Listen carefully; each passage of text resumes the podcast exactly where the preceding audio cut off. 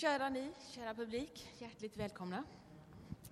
Eh, vi kommer att hålla på en halvtimme. Längre får vi inte hålla på. Eh, jag ställer några inledande frågor och sedan har ni tillfälle att prata och fråga oss saker. Jag vill presentera vår lilla panel. Här sitter Jonas Malmsjö, Livia Millhagen, Stefan Larsson, regissör. Jag heter Irena Kraus och jag är dramaturg för föreställningen. Eh, ja, var ska vi börja? Det började med en eh, mycket, mycket känd brevroman från 1700-talet av Laclos.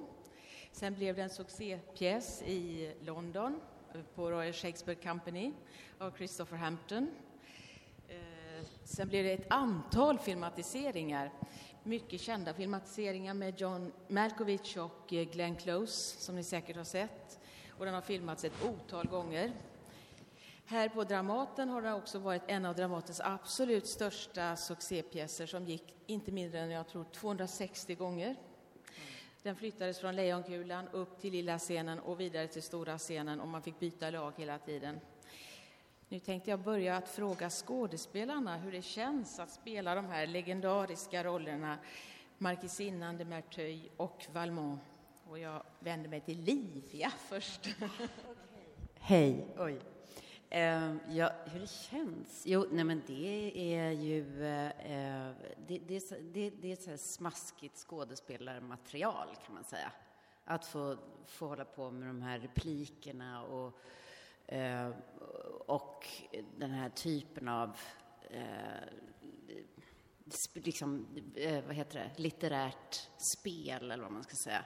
Så det, det, det finns väldigt mycket mat, tycker jag, i den här, i den här rollen som jag spelar och det är njutbart, väldigt njutbart. Det är väl det jag kan säga just nu. Jocke, Jonas, Jocke, vad tänkte du när de bad dig att göra Valmont? När de bad mig? Ja, är det, är det han där borta? Alltså, har han blivit så jävla fin så vi niar honom? När de bad. När Stefan bad dig. Ja, Stefan.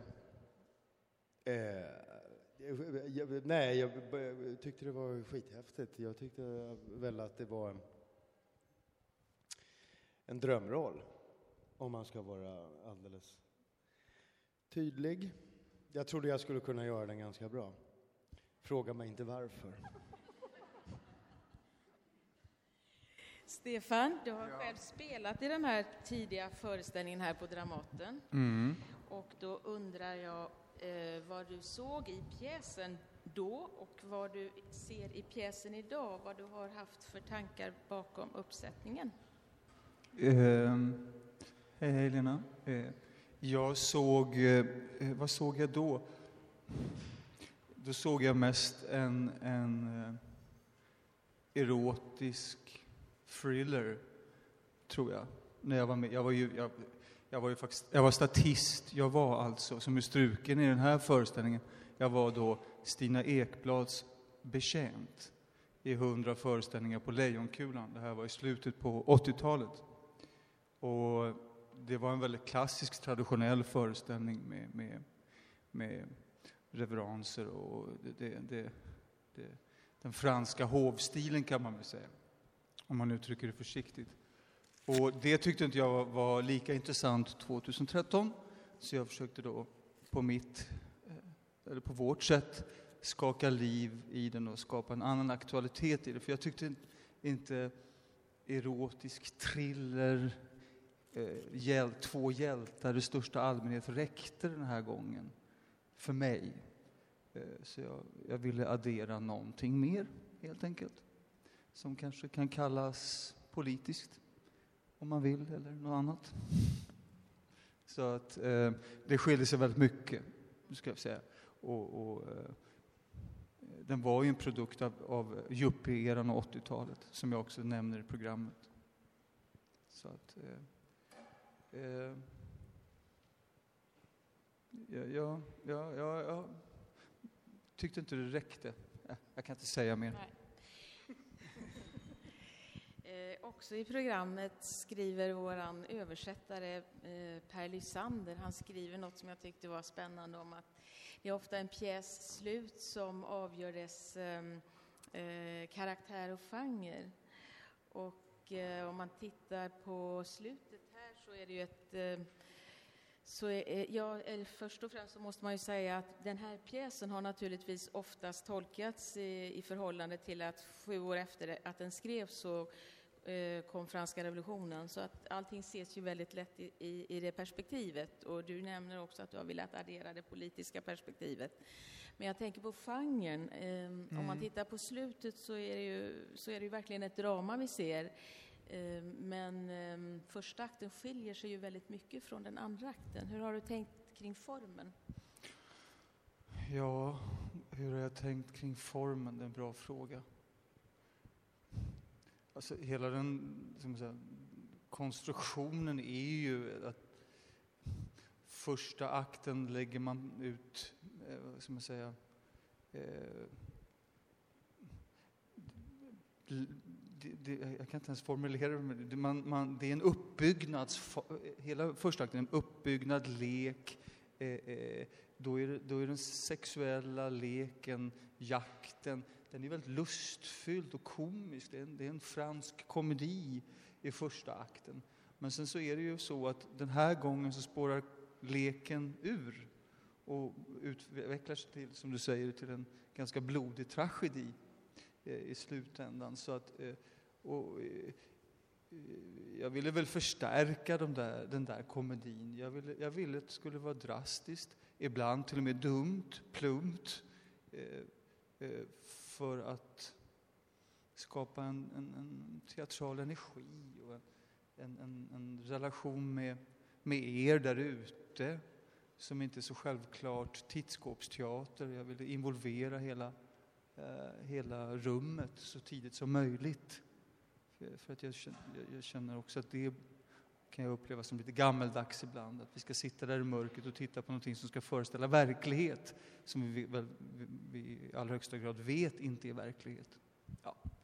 Så att, jag vet inte om jag svarar på frågan, men jo, jag är i alla fall i närheten och i området. Ja, absolut. Så att, eh, eh, men, men, men det är en svår nöt att knäcka, för på många sätt och vis eh, är det här är ett stycke underhållningsteater, men väldigt allvarlig underhållningsteater. Eh, med, med, med en stor språklighet och, och det är just mumma för skådespelare att arbeta med det här.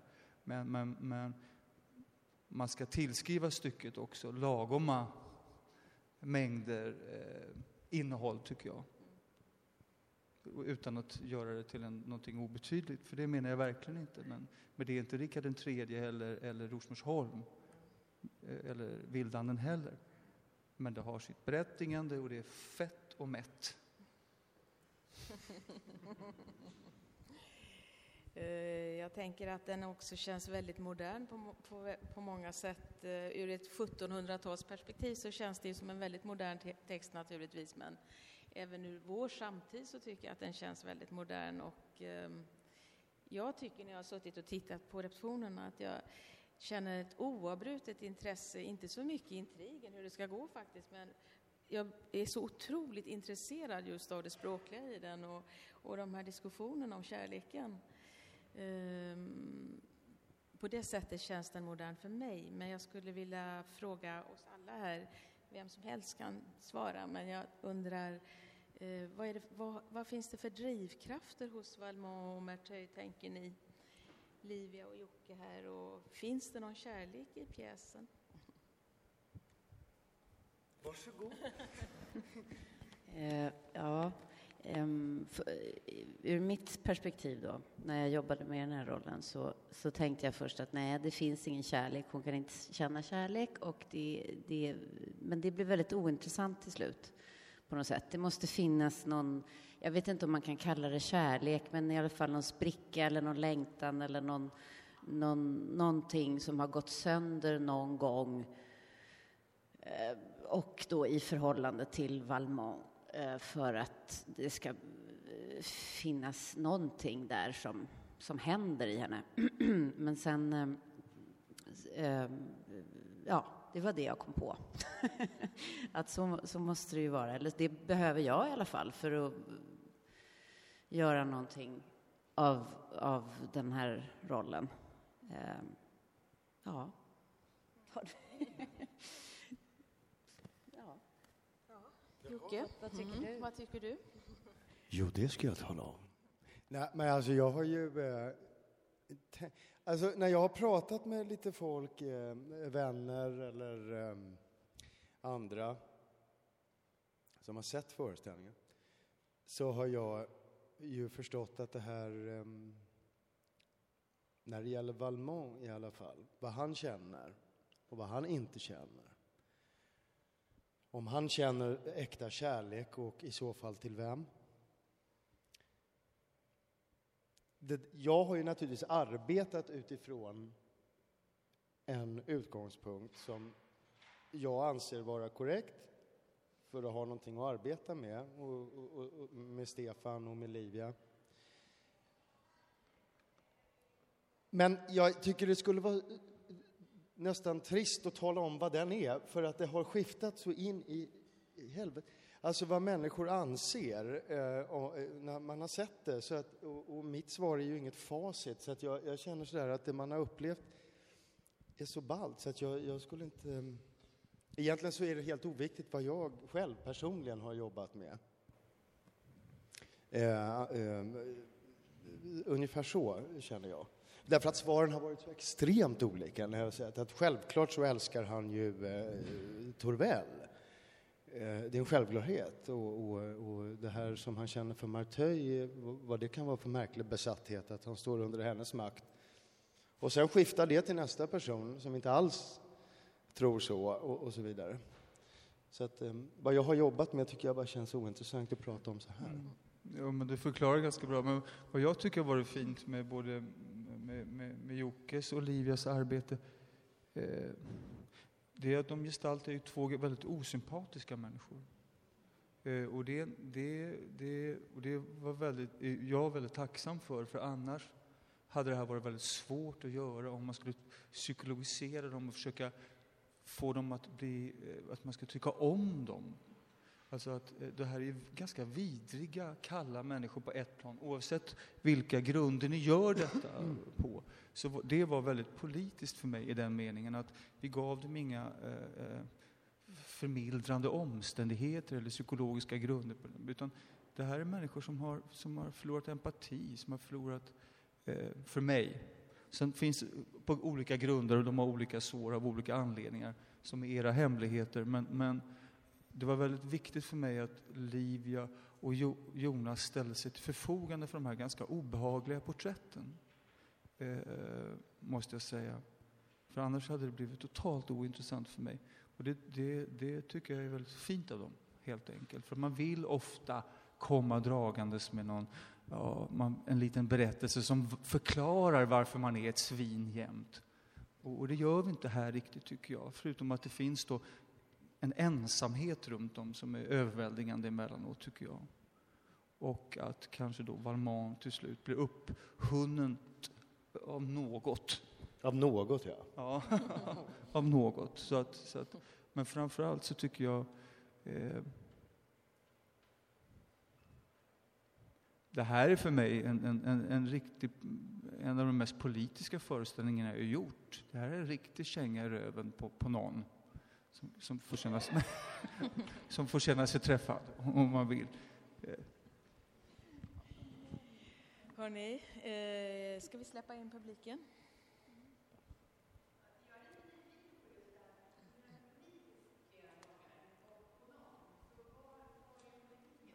Politiken är väl att det är en trött plats, kan man väl säga, som i brist på annat att sysselsätta sig med hitta på dumma sexuella lekar och börja utnyttja människor. Där, där eh, man kan säga att ett liv utan förpliktelser och stor förmögenhet gör att den moraliska kompassen kanske bara snurrar runt till slut eller faller i botten, vad vet jag. Eh, eh, det kan den för all del göra även hos en, en, en fattig konstnär som, som vi är, men, men, men, men lite så vill jag väl säga. Och det existerar ju i allra högsta grad.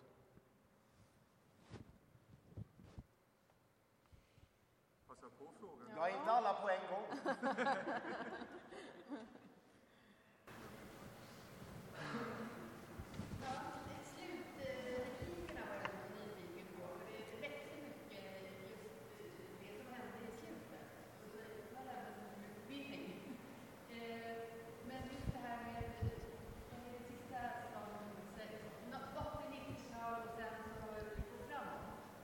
fortsätter.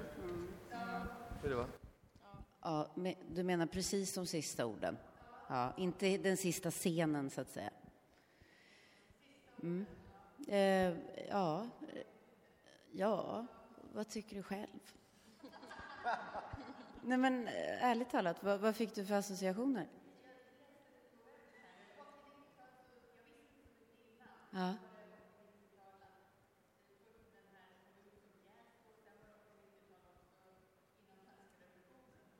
Ja. Nej, alltså, vad ska man säga? Hon... hon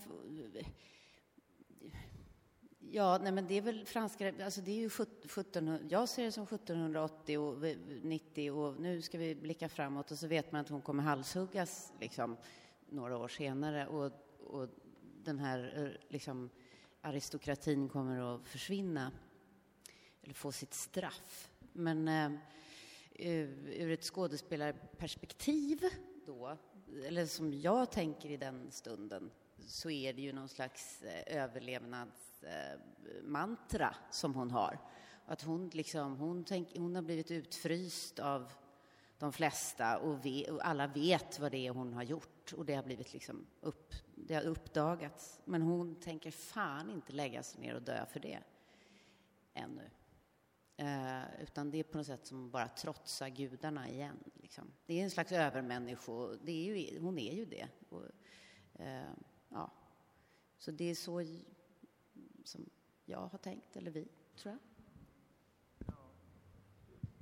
Det är väl, det är väl tydligt också liksom aristokratins då sista stapplande steg innan giljotinen faller och hon försöker hålla humöret uppe efter, efter sista månaden sväng om här med Valmont.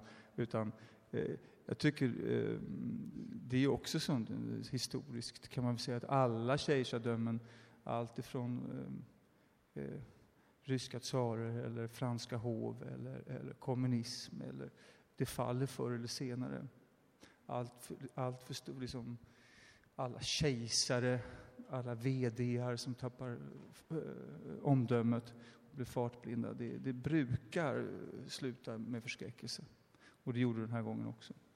Det var ju, här var ju också eh, avståndet mellan fattig och rik den här tiden i Frankrike var enorm.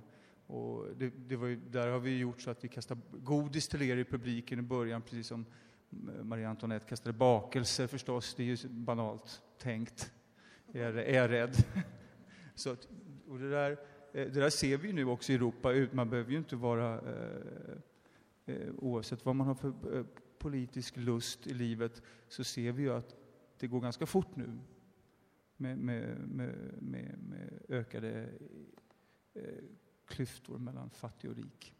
Det går undan och det skapar friktioner i ett samhälle snabbt. Och lite det ville vi peka på. Men det finns, ju, det finns ju en problematik i det där du frågar och vi har ju också diskuterat det lite grann här, Stefan och jag, därför att det är klart att den satt väl som en smäck just den kopplingen med 80, eh, 80 alltså i och med att det, eller hur? Ja, den gjorde ju det. Den skrevs ju i, eh, 85 tror jag va? Och eh, då, då hamnar ju det helt rätt på något sätt. Och jag menar, här har vi också på något sätt en slags modern dräkt. Och eh, ja, det, nej men jag bara, jag bara lyfter upp det där att man, vi funderade över det om man skulle ändra det liksom. Men, ja, ja. Så frågan är väl inte så konstig kanske. ja, fråga på ni. Är det någonting annat ni funderar över?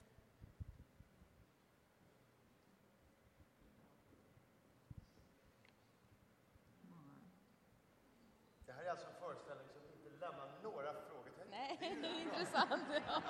Den är glasklar. Fan vad skönt. Det är första gången. Ja, det är första gången. Vad roligt. Ja, är det någon, vill ni säga någonting annat? Jag har inga andra. Ja. Nej, men man kan väl prata om brev, vi kan väl prata om brevromanen lite grann kanske. Det är också någon, en genre som blev väldigt, eh, den etablerades ju just på 1700-talet och den är ju också intressant tycker jag på det sättet att den hamnade mitt emellan offentligheten och det privata. Ehm, och det, det, har jag också funderat på. Jag, jag, jag, funderar ständigt på nya saker i föreställningen faktiskt. Och nu har jag grubblat, idag grubblar jag över varför det är så oändligt viktigt för Mertöj att få det här skriftliga beviset. Vad, vad tänker du om det, Livia? Ehm, Ja, nej, jag tänker bara att hon försöker skjuta upp det hela så mycket som möjligt. för att hon vet att det är nästan omöjligt, tänker jag. Men det finns ju säkert fler sidor av det som jag kommer på till slut. Va, va, vad tror du? vad tror du, Stefan? ja, det är en bra fråga faktiskt. Varför vill man ha ett skriftligt bevis? För att det är komplicerat att åstadkomma antagligen. Mm. Så att, eh, som du säger, eh, man vill väl också kanske jag vill byråkratisera det. Vad skapar det egentligen? Jag vet inte. Jag har inte tänkt på det. Jag känner att jag inte har kapacitet att tänka, klara av det nu heller. Ja, hörni. Ja. Om det inte är någon annan som har något på läppen så tack snälla ni för att ni ville komma. Ja.